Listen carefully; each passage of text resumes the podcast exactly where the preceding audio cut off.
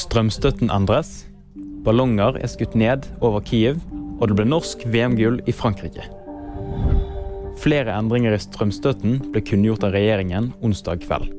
Fremover så vil vi som fellesskap ta en større del av folks strømregninger. Det sa statsminister Jonas Gahr Støre.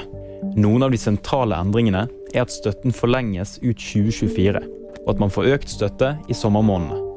I tillegg endres beregningen av strømstøtte fra månedssnitt til time for time.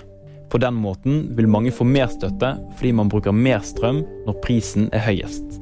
Den endringen trer ikke i kraft før 1.9. Seks ballonger ble onsdag observert over Kyiv, ifølge byens militære administrasjon. Ballongene skal ha blitt skutt ned, og var ifølge ukrainske myndigheter russiske.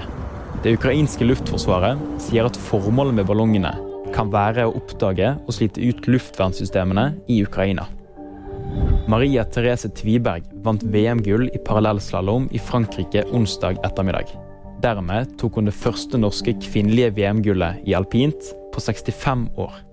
VG-nyhetene fikk du av meg, Håvard Flatebø Tretteberg.